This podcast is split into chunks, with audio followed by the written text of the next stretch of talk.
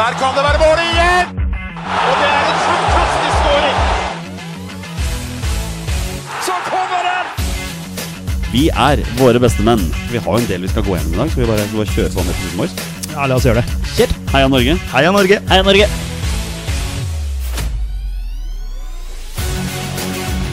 Takk, Ole Gunnar Solskjær!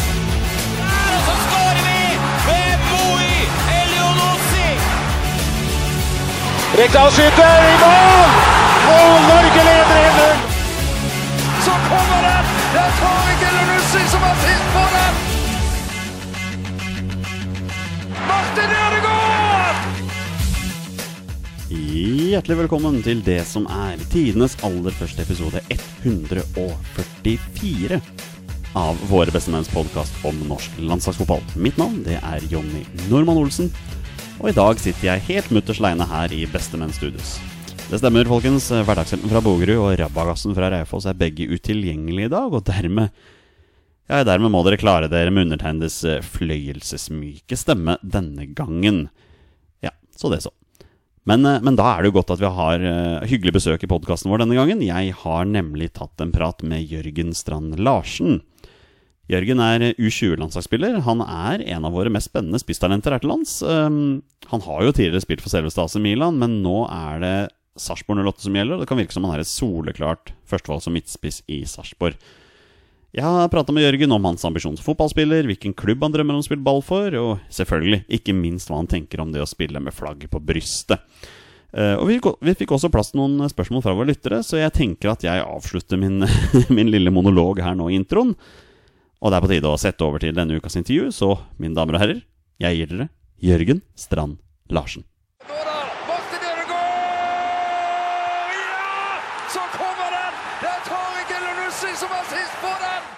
Dagens gjest fylte 20 år tilbake i februar. Han har skåret landslagsmål for Norge på fem forskjellige nivåer. Han har spilt for Kvikk Halden, han har spilt for selveste AC Milan, men nå spiller han for Sarpsborg 08. Og ikke minst, det kanskje viktigste, han er hele 13 cm høyere enn undertegnede på strømpelesten. Jørgen Strand Larsen, velkommen til pod. Jo, takk for det. Takk Ja. for det. Du er, eh, hvis jeg, hvis jeg har telt riktig her, så er du 16 år yngre enn meg, men du er da 13 cm høyere. Det er nok ikke helt umulig. Jeg er 1,94 høy og eh, 20 år, så hvis du har gjort matta di riktig, så kan det stemme. Du veit at på, på Sarpsborg 08s hjemmeside så står du oppført som 1,93, så det vil si at du har vokst 1 cm siden den sida ble oppdatert? Den sida ble oppdatert i 2017. Da var jeg 1,93. så du har vokst 1 cm på tre år, Så altså? jeg har tatt en centimeter på tre år, men jeg var ganske tidlig ferdig utvikla, for å si det sånn. Ja, ja, det vil jeg tro når du er såpass høy. Du, du, du tenkte aldri på å begynne med basketball isteden, da? Nei, altså, jeg har jo vært litt, eh, litt multitalent, så jeg hadde jo litt basketballferdigheter òg, men når man eh, bøtter inn mål på barneidretten i fotball, så var det vanskelig å holde seg unna det. Jeg tror de fleste, i hvert fall Sarpsborg-supportere og framtidige landslagssupportere, er veldig glad for at du valgte fotballen der, altså, Jørgen. Ja, det håper jeg de blir og er. Det er bra. Ok, Jørgen. eh, Jeg, jeg bare river av, den, river av det plasteret med en gang. Jeg um, tar et par minutter om seriestarten i går. Jeg veit at du sikkert ikke har lyst til å prate om det, men det, blir jo dessverre tap der, altså. Første seriekamp. Yes, det, det er som du sier, det er eh, tungt å snakke om, men det er også realiteten. Så det er liksom eh, eh, Man må bare bite i det sure eplet. Og vi har hatt eh, gode seriestarter før, vi har hatt dårlige seriestarter. Og vi vet at eh, det er 29 kamper igjen, så man skal liksom ikke grave seg ned heller. Men det er viktig å ta tak i ting som var for dårlig, og i går er det nok å ta tak i, men også positive ting som vi kan jobbe videre med. Hva var, hva var det egentlig som gikk galt i går, da? Nei, altså jeg føler at vi blir litt, litt for bedagelige, hvis man kan si det sånn. At vi blir litt, eh, vi blir litt for omstendelige i måten vi spiller på. Vi, eh, vi slipper til Vålerenga. Altså hvis, man, hvis man har fått med seg målet som vi slipper inn på, så er det dessverre altfor enkelt. Og vi skaper jo egentlig ja, Skal ikke si at vi skaper skikkelige målsjanser, men vi har to-tre eh, fete. Jeg har en som jeg gjerne skulle hatt, eh, hatt i mål og kunne sett på i dag og smilt litt til, men det er ikke alltid sånn i fotballen heller at det går stang inn. Men eh, det syns vi blir litt for omstendelig, og det kan vi ikke ha noe av til neste kamp. Du har jo, Jeg vet jo at du har spilt flere landskamper med Vålerenga-keeper Kristoffer Claesson i mål, så det svir det litt ekstra, eller at han tok den, den store sjansen?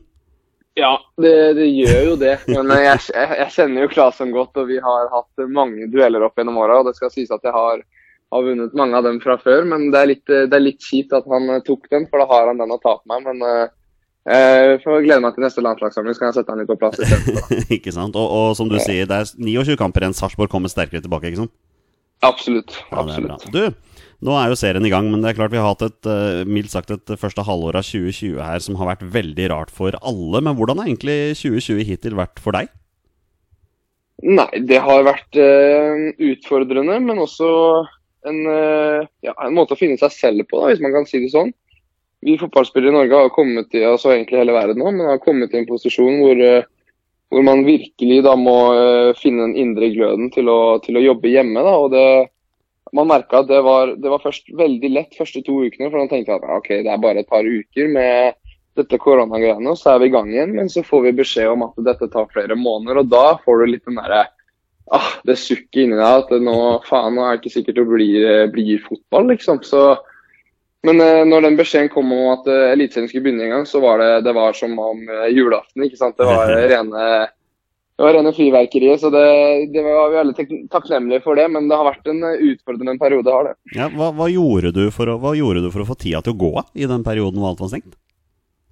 Nei, altså Jeg har hatt, uh, hatt utrolig mange treningstimer, først og fremst. Uh, hatt mye tid med familien og, uh, og litt sånn, men jeg og forhåpentligvis, forhåpentligvis blant flere, flere da, har holdt seg mye hjemme og vekk fra kompiser og bekjente, som er selvfølgelig veldig kjipt. Men eh, jeg så først mine kompiser nå for ikke så veldig lenge siden, liksom, så på nesten et halvt år. Og det, det er jo det er litt kjipt. Men eh, eh, noen tok det kanskje litt mer alvorlig enn andre. Men jeg syns at selve samfunnet og Norge har klart, klart det greit. Og det er godt å se at det begynner å åpne seg litt igjen nå, da. Ja, men Det er jo spesielt deilig for dere unge, tenker jeg, at muligheten til å åpne opp litt. Grann. Dere slipper å gå hjem og sture hele tida.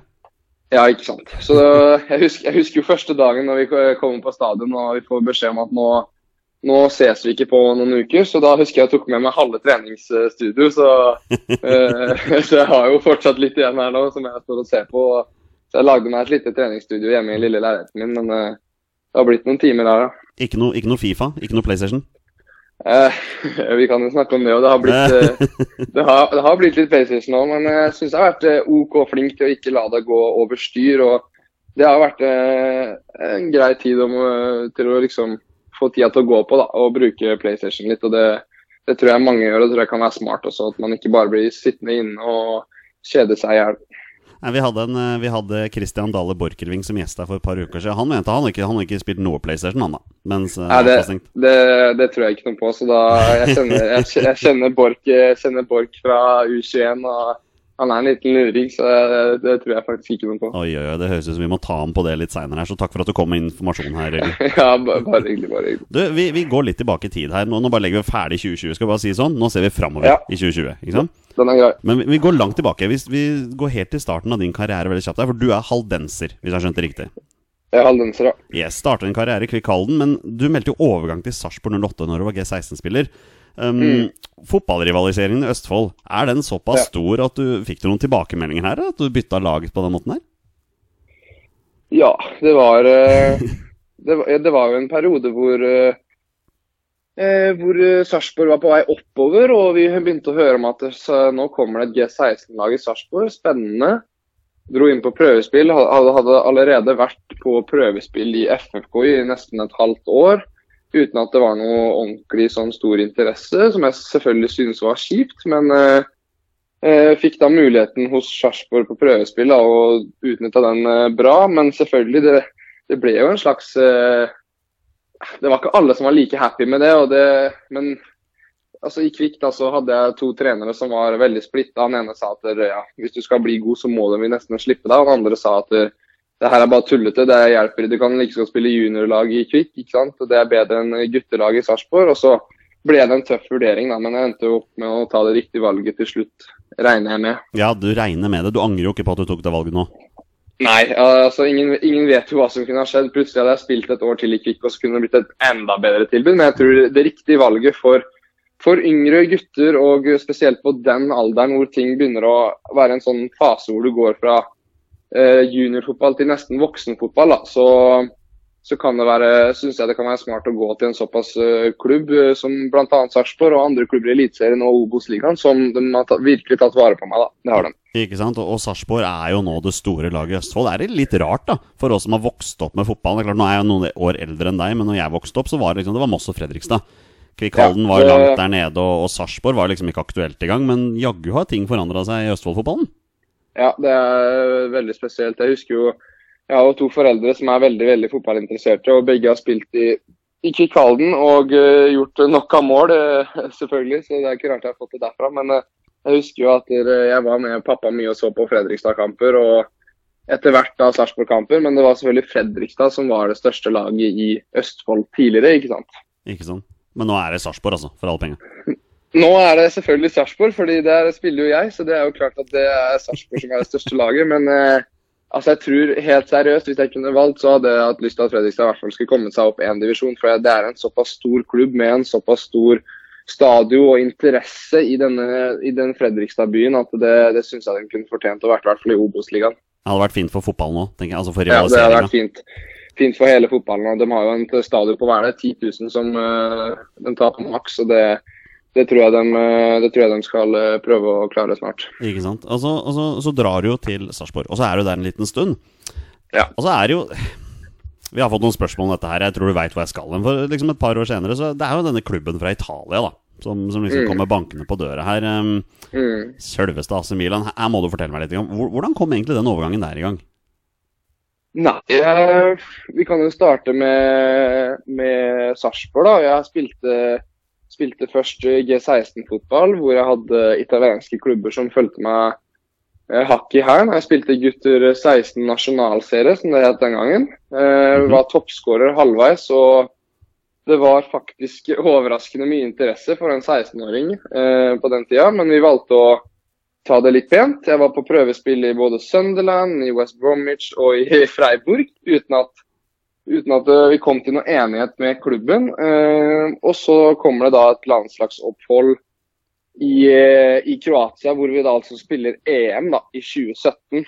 Mhm. Eh, dette var sommeren 2017, tror jeg. Og da husker jeg at jeg hadde en agent på tribunen som jeg visste var fra en av de toppklubbene i Italia. Og han representerte bl.a. Roma og Milan. Da. Altså, han var en litt sånn Han var ikke en helt scout for en av lagene, men han fulgte liksom med for begge, da. Eh, og da kom den interessen da når EM var ferdig. at Jeg husker jeg skåra et mål og spilte egentlig et ganske bra EM. da. Eh, og da kom interessen på bordet. Og da blei det det, som, det ser ut som det var et utlånsopphold, kan det stemme?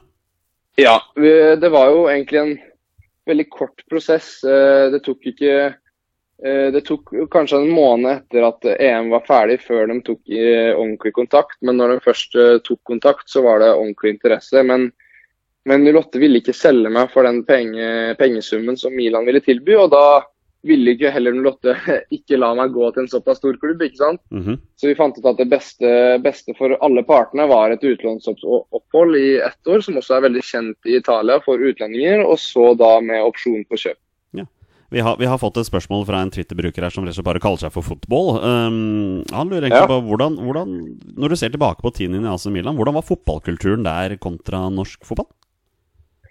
Um, det er eh, et godt spørsmål, fordi eh, den kulturen er eh, ja, Du må nesten oppleve det for å kunne, for å kunne svare på det spørsmålet, så det, det er jo bra mann til å svare på det. Men det, altså, jeg har aldri sett eh, noen forsvarsspillere og et lag med så mental bra hodeskalle. Da, at eh, er det 1-0 til eh, oss f.eks., så vi slapp ikke inn mål. Det var ofring av tenner, det var ofring av ansikt, det var alt mulig. Det var, det var en helt annen mentalitet som jeg aldri har opplevd før, da, selv hos 17-18-19-åringer. da -hmm. som knapt har, eh, knapt har opplevd voksenfotball. og det var, eh, det var kriging på ordentlig høyt nivå. Så det er som, det er som Serie A, at det, det er tighte kamper, og det blir maks Det blir sjeldent over to mål per kamp og sånn, ikke sant. Så eh, det var en utrolig, utrolig stor forskjell da, fra hvordan det var i Norge. Hvor mye, hvor mye lærte du av i løpet av den tiden du var der? Nei, så Nå hadde jeg jo Gattusso, da, som er kjent for den der skallen de første, første tre månedene. Jeg husker jo i første kamp bare, så var det sånn Eh, vi leda 1-0. Det var en treningskamp mot tror jeg var Juventus. Så kom jeg innpå etter 60 minutter, og jeg har et balltap ganske tidlig.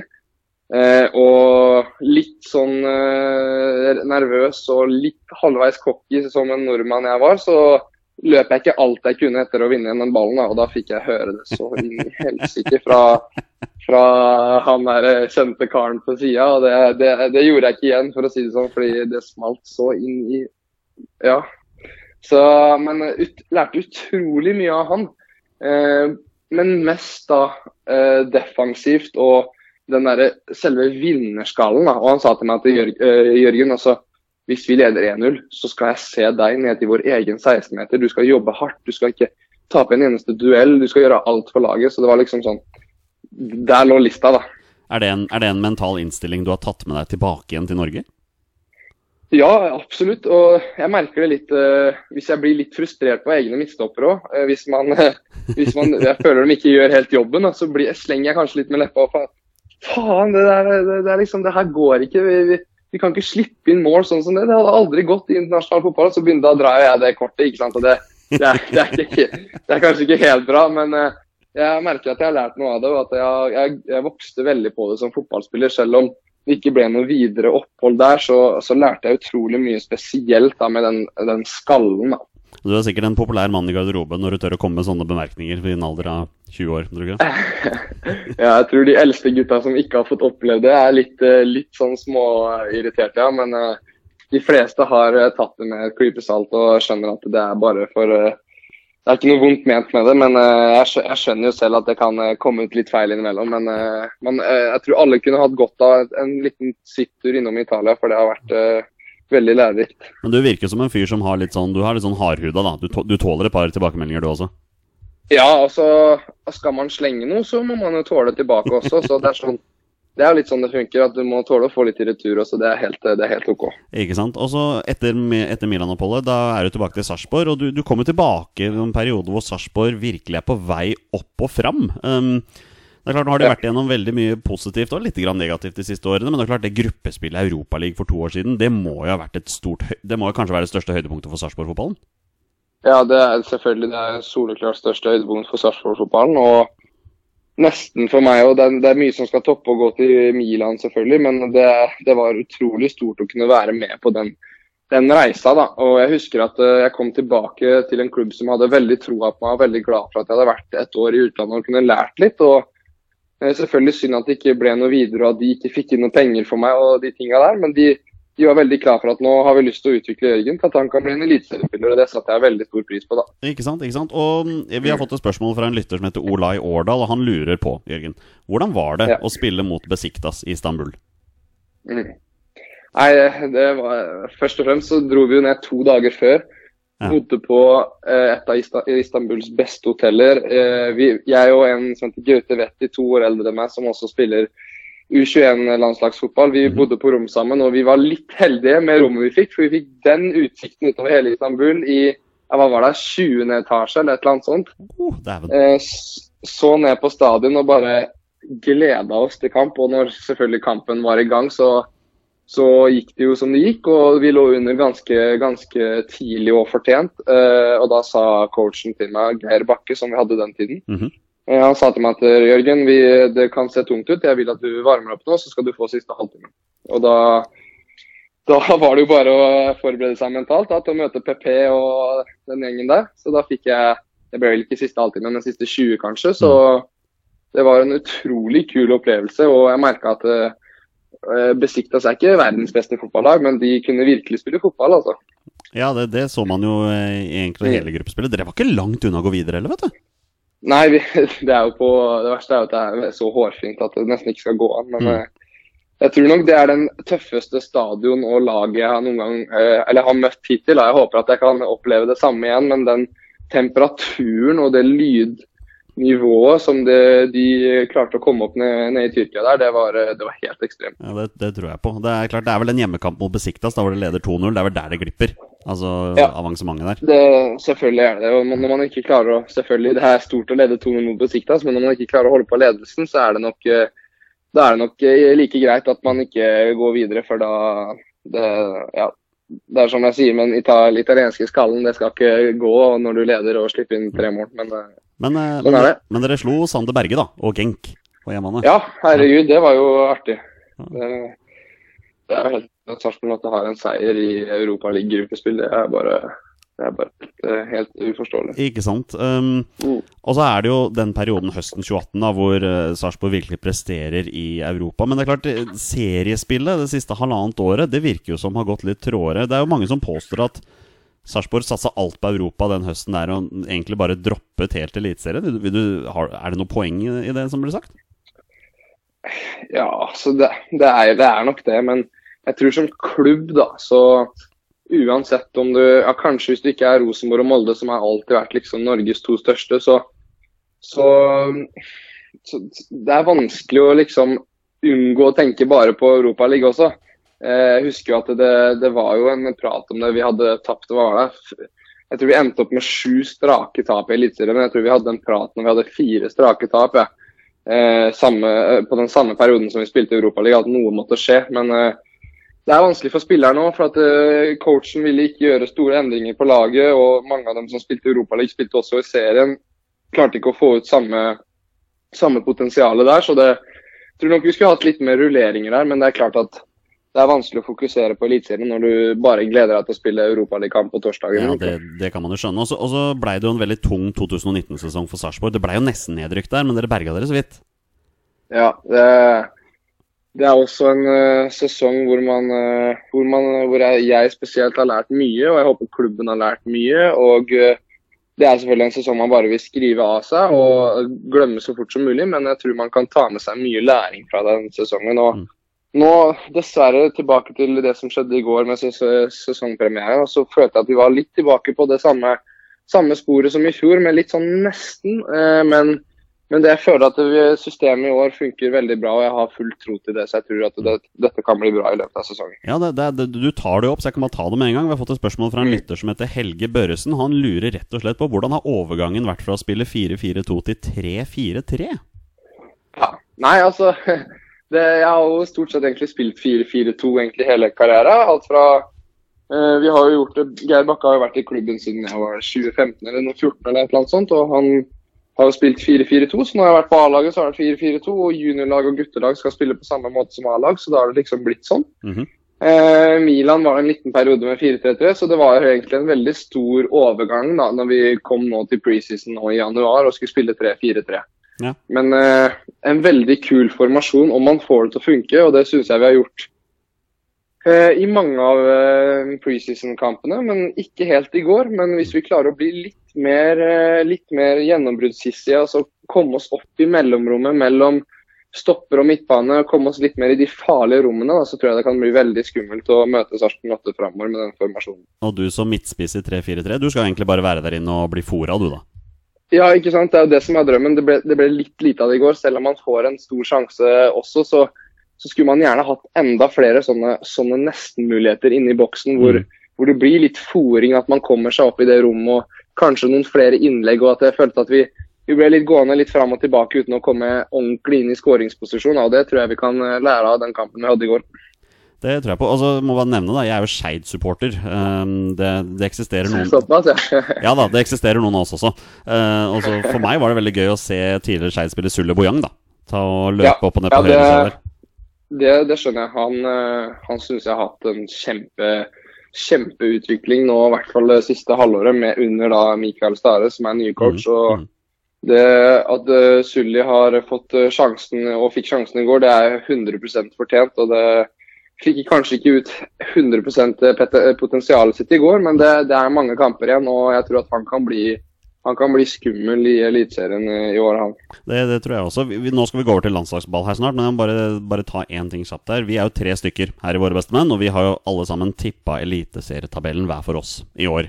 Ja. Eh, to av oss har tippa Sarpsborg på tiendeplass, mens sistemann har tippa Sarpsborg på tolvteplass. Vil du si at vi var veldig slemme med dere? Man kan jo egentlig ikke si det, fordi eh, etter fjorårets, eh, fjorårets sesong så har man eh, ikke så veldig mye å si. Men jeg tror, jeg tror kanskje det, det kan være like greit. Vi ble tippa som nummer tre i fjor og leverte det helt motsatte. Og kanskje at det kan gi motsatt effekt men Ikke at ikke at spillere og trenere og klubben egentlig bryr seg om hva folk mener, hvor vi kommer og sånn. Men selvfølgelig når man får litt input på det, så er det bare en, en, en, en deilig måte å jobbe mot den på. da, At dere, ja, noen tippa oss på tolvteplass. Ja, I år skal vi komme på tredje. Vi får, ta, vi, får, vi får ta en prat etter sesongen, Jørgen. Skal vi se hvor nærme vi faktisk var der. jeg, jeg, skal, jeg skal ringe deg når vi kommer topp fem. Åh, ja, men du, det er en deal. Vi har den dealen. Du, La oss prate litt landslagsball. Vi, vi er jo en podkast om norsk landslagsfotball, og da, da må vi prate litt landslagsball også. Um, jeg, har gjort, jeg har gjort litt research her, og hvis jeg har, hvis jeg sjekka riktig, så fikk, de, fikk du din første landskamp som G16-spiller 30.3.2016. Um, det er bursdagen min, derfor husker jeg det veldig godt. Um, Ja. Husker du hvem du spilte mot, hva resultatet var, og hvor kampen ble spilt? Kan hende jeg tar feil, men jeg husker at min første landslagssamling var i Portugal, Lisboa. Det stemmer bra, det. Mm. Eh, jeg spilte første omgang 2-0 mot Sveits. Vi spilte i røde drakter, de spilte i hvite drakter. Jeg skårer 1-0-målet. Det er råimponerende, Jørgen. Du er, du er helt, eh, helt på nett her, altså. Det er veldig imponerende. Nå, nå gir du meg hele startervern til Norge i den kampen. Nei, ok. Jeg husker faktisk en god del. Jeg husker uh, i hvert fall Fabian Rimestad, Erik Tobias Sandberg spilte. Truls Ah. Larsson sto i mål. Uh, Botheim var på banen med meg som spiss. Mm. En som heter Anders Vågan, så jeg har ganske god kontroll. Ja, det er imponerende. Og, og navnet Erik Botheim er en som går igjen når jeg går gjennom dine landskamper. Det er en fyr du har spilt mye med på U-landslaget opp gjennom åra. Ja, vi har hatt uh, mange morsomme kamper og mange morsomme turer sammen, og han er en inn og ut med me- meget morsom og fin fyr. Og vi har hatt også en veldig god eh, hva skal man si, connection på banen nå. Eh, og han har gitt meg eh, Det er jeg selvfølgelig takknemlig for, og vi har fungert bra på topp. Men det er synd at i det EM-et som var i fjor, så fikk vi ikke helt ut eh, det. Men, eh, men han har vært eh, fin å spille med, han. Ikke sant? Um, du har jo erfaring med mesterskap på U-nivå. Du nevnte jo det sjøl. Um, du har spilt G17-EM i Kroatia, og du, du skåret jo også mål mot Nederland i gruppespillet den kampen. Um, I fjor spilte du G19-EM med Norge og Armenia. Hvordan, hvordan er det egentlig å spille med flagget på brystet i offisielle mesterskap? Nei, det, det er jo helt uh, uvirkelig. Og i hvert fall i, i, U, altså U17 var stort nok det òg, men der var det enda flere lag med. Og det var en eh, det var en litt lettere måte å komme dit på, men altså det som vi opplevde i fjor, det var kanskje det var noe av det morsomste jeg har opplevd på landslagsnivå. Det, det var kult også når vi var i Kroatia først på den siste kvalifiseringa der. da, og kommer i gruppe med Tyskland, øh, hvem var det? Ungarn og øh, selveste Kroatia i hjemlandet sitt. Og vi vinner da gruppa, som vi måtte for å kunne gå til EM. Og det, det var kult. Ja, det er stort, altså. Det er klart det er det. Ja, Det var virkelig kult. Men eh, som sagt, det var kjipt at vi ikke fikk, uh, fikk ut det potensialet det laget vi hadde uh, i Armenia. For det, vi hadde et bra lag med oss, med også yngre spillere, som Edvard Tagseth og Kitolano fra Odd også. Så Mm. det var synd at vi ikke fikk det til å sitte. Men det er litt som det er med fotball, at det er ikke alltid det, det går på skinner heller. Nei, det, det blei ble to øverte da, og et tap i gruppespill der, så dere, dere er jo egentlig bare én seier unna å gå videre. Når, når du tenker tilbake, er det, er det litt bittert, eller? At det ikke blei avansement? Absolutt er det bittert. Vi, første kampen så har vi så fullstendig kontroll. og Vi skårer 1-0 ganske tidlig med nevnte Botheim i stad, som Mm. uh, hadde en fin, uh, fint mål fra nettet, tror jeg det var. Og så, og så slipper vi inn et mål som går uh, for en deflection og inn i mål på nesten overtid. Og så, så møter vi Tsjekkia i neste kamp. Mm. Spiller da uavgjort, tror jeg. Ja, stemmer det. 0-0.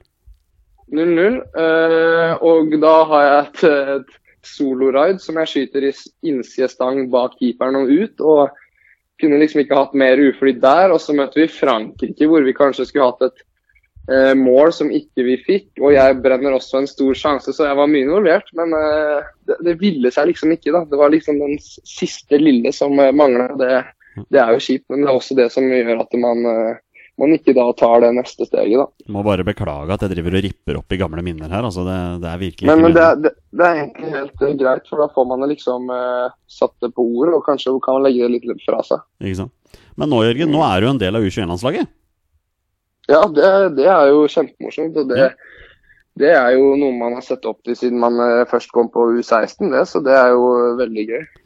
Og så har vi jo um, en, av våre, en, av, en av mine partnere her i Våre bestemenn. Det er Petter Hermansen. Vålerenga-supporter for øvrig. Jeg, jeg fikk beskjed om å nevne det, så veit du det. Ja. Um, um, han lurer på når tenker du at du skal debutere på A-landslaget? Nei, eh, så fort som mulig. Er ikke det, er ikke det smart svar? Men eh, herregud eh, man, Det er vanskelig å si en dato, Det jeg skjønner jo at eh, spørsmålet er som det er. Men eh, jeg, målet mitt eh, først og fremst er å gjøre en god sesong i Lotte. Forbedre posisjonen vår fra i fjor. Mm. Forhåpentligvis skåre nok mål til å kanskje kunne flytte på seg. Og da kanskje kunne ta et nærmere steg da mot eh, landslaget. Men nå har vi jo en, en annen superspiss i Dortmund som er, eh, gjør det så utrolig bra at man skulle nesten ikke tro det. og jeg blir, eh, jeg blir stolt av å se på han, så det, det syns jeg er gøy. og det er, det er gøy å kunne spille med han i løpet av fremtiden, selvfølgelig. Men eh, jeg har fått høre den før at du må ta steg for steg og ikke tenke for mye på hva som kan skje framover. Det tror jeg kan være et eh, smart svar. Han eh, godeste Braut Haaland han var jo en del av troppen når dere var nede i Kroatia i G17-EM der.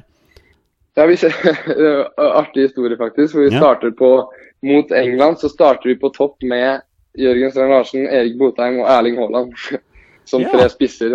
Vi angrep da altså England med deres eh, monster, eh, monsterforsvar da, med de tre gigaspissene. Så det, det var synd at det ikke ble en uh, skikkelig fight. Det hadde vært uh, artig, faktisk. Men, uh, men du som har fått æren av å spille med Braut Haaland, så du for deg da når dere starta den kampen i Kroatia, så du for deg at han skulle være der han er nå?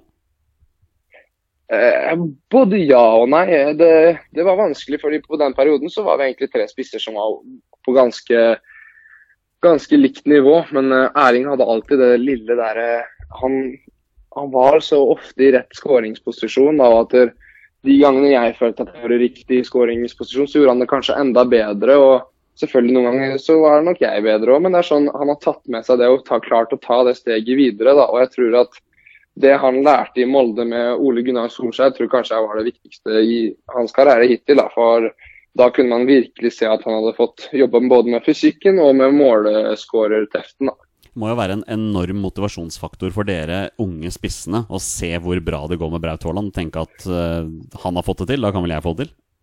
Herregud, det er eh, akkurat det du sier her. Det er jo en grunn til at man står opp hver dag og jobber på videre. For at man kan se at det, det er faktisk norske unge spisser som kan gjøre det bra ute i Europa også. og Det, det sier jo selvfølgelig at uh, han har jobba knallhardt, men det sier også at det er kanskje ikke så langt unna likevel. da. Eh, med noen flytmåneder og et år og en god sesong, så kanskje man er i nærheten allikevel. Så det, det er bare å jobbe på, som du sier. Mm. Og nå, nå er, virker det som du er det klare førstevalget på topp i Sarpsborg under Mikael Stare. Um, et par ord om han, eller? Hvordan er han som trener?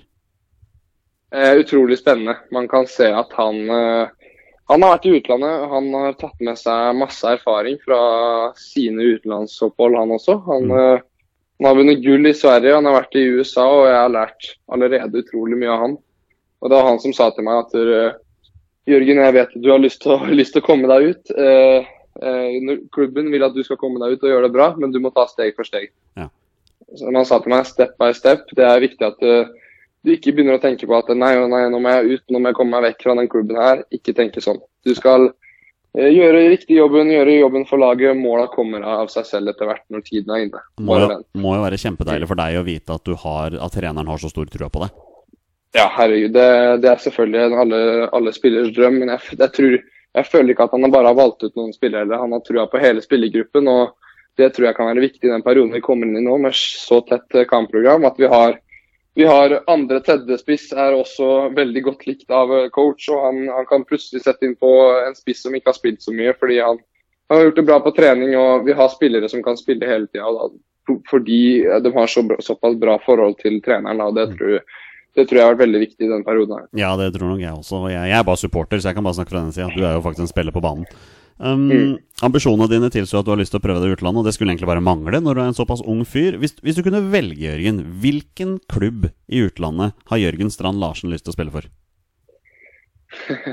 Jeg er Liverpool-supporter siden Ja. dag én, så det, det er vel ikke noe stort eh, Det er vel ikke noe annet å svare på enn det. Men eh, jeg skal ærlig innrømme at hvis dagen kommer og United står på døra, så kommer jeg ikke til å si nei. det er morsomt at du sier. Torstein Bjørgo, som er sistemann her i Våre bestemenn, han er også Liverpool-supporter på sin hals. Og jeg veit Ja. at han elsket svaret ditt der, helt fram til du nevnte det med Manchester United. Og jeg er jo Manchester United-supporter, så jeg syns det er helt greit. greit at du nevner det. Ja, men det er nok det. Man, eh, man skal ikke tenke altfor langt på det, men det er selvfølgelig lov å drømme. og Hvis det, hvis det noen gang skulle kommet en mulighet hvor jeg kunne fått spilt i Premier League og Liverpool ikke hadde hatt lyst på en lang norsk spiss, og United hadde hatt lyst til det, så skulle jeg ikke nok, eh, hadde jeg nok ikke sagt nei til United. Nei, det, det hadde vært litt rart hvis du takka nei til det, må jeg ærlig innrømme. Ja, da, det er akkurat det. Ikke sant? All right, Jørgen. Vi nærmer oss slutten her. Vi skal ta et par spørsmål fra noen av våre lyttere helt på slutten. her Du begynner med Torstein Børgo, da, som er sistemann her. Uh, han Ja. er jo han er fra Raufoss, da. Torstein. Og han Ja. lurer på hvordan var det å slå Raufoss 9-0 i en interkretskamp i 2016? Og husker du hvor mange mål du skåra? det er kanskje en av de rareste og eh, mest Ja, det er kanskje den rareste kampen jeg har spilt på eh, i kanskje min hele karriere. Fordi eh, jeg visste at når du, når du nevnte Raufoss, så visste jeg at du kom til å nevne den kampen. Fordi der, i den kampen skåra jeg fire mål. Ja, stemmer det?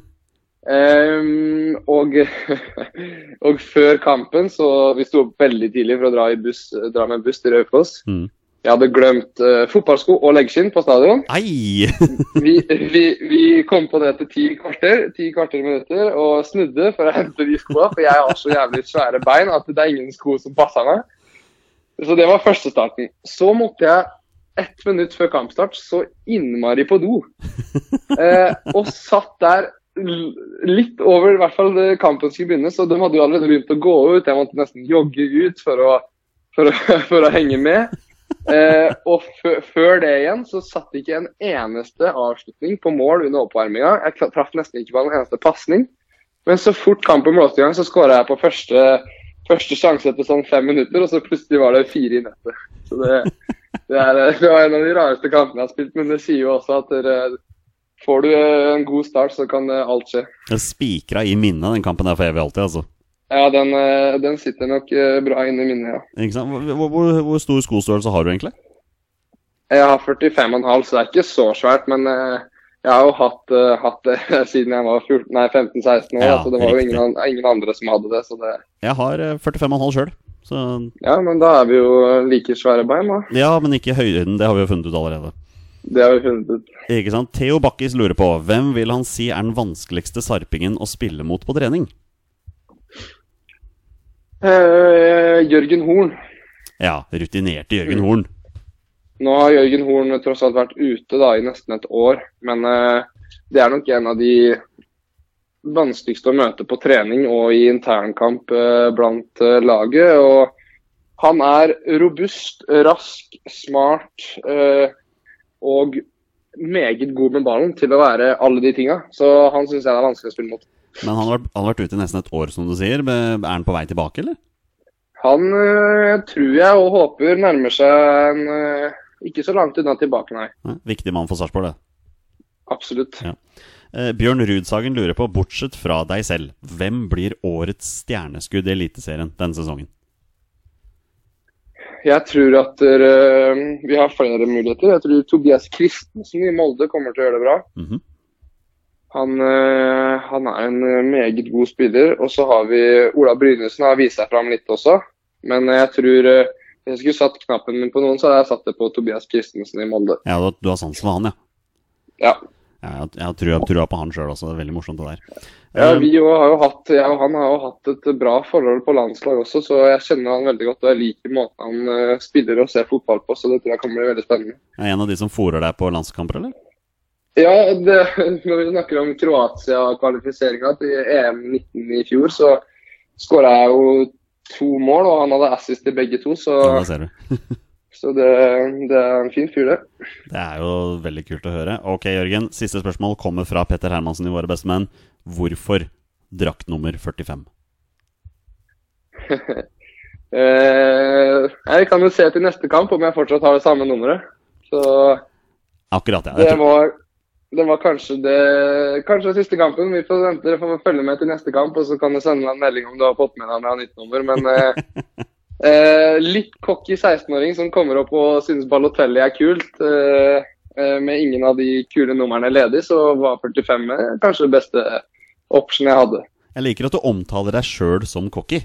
Du, du står Ja liksom da, litt for men det. eh, jeg har jo fått høre det at jeg kan være litt cocky, men jeg, jeg, jeg ser på meg selv som en veldig fin og rolig fyr. Men eh, når det kommer til fotball, så tror jeg du, du kommer lengst med å være litt cocky uten å være for, for voldsom, da. Du har sjøltillit, da, Jørgen. Vi bare si det sånn. Det er lov, det.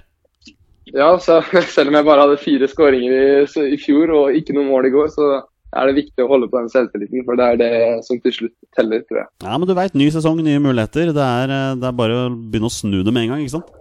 Det er akkurat det. Ikke sant? Siste spørsmål fra meg. Hvem vinner Eliteserien? Hvem rykker ned? Uh, jeg tror at eh, Molde tar gull igjen. Med meget tett konkurranse fra Rosenborg. Ja. Uh, jeg tror dessverre at Start Ålesund rykker rett ned igjen. Og jeg tror vi kommer til å ha en, en veldig rar kvalifisering med Odd på tredje nederste plass. Wow, du er en av de få jeg har snakket med som ikke tipper Sandefjord rett ned, altså? Er, er det pga. at de vant i går? Nei, men jeg, vi har spilt treningskamp mot Sandefjord, og uh, vi, vi vant ganske komfortabelt. Men jeg tror at hvis de får til den spillestilen de har, eh, de har eh, spilt mot oss på, og måten de også til tider spilte litt i går, så tror jeg de kan være skumle mot noen lag som kanskje blir litt naive. da. Det, det, det er interessant å høre. Det får vi se om du får rett på det, da. Det gjør jeg helt sikkert ikke, men eh, det er lov å ta en gambling i hvert fall. Ikke sant? Ok, Jørgen, vi er på overtid nå, så vi skal avslutte. Jeg må bare si det. Tusen takk for at du tok deg tid til, til meg i dag. Dette har vært, det har vært veldig hyggelig å prate med deg. Jo, likeså. Det har gått, tiden har gått veldig fort også, så det har bare vært uh, hyggelig. Vi får, vi får, vi får booke en date uh, etter sesongen også, hvor vi snakker om hvordan sesongen har vært da. Det, det må du bare gjøre, så håper jeg at vi, at vi gjør som jeg sa, at vi kommer topp fem, og at vi unngår eh, den striden vi var i i fjor. i hvert fall. Det er knallbra, Jørgen. Da får, du, da får du ha masse lykke til videre med sesongen, og så prates vi. Tusen takk for det. Lykke til, du også. Ok, ha det bra. Ha det. Ha det godt. ha det godt.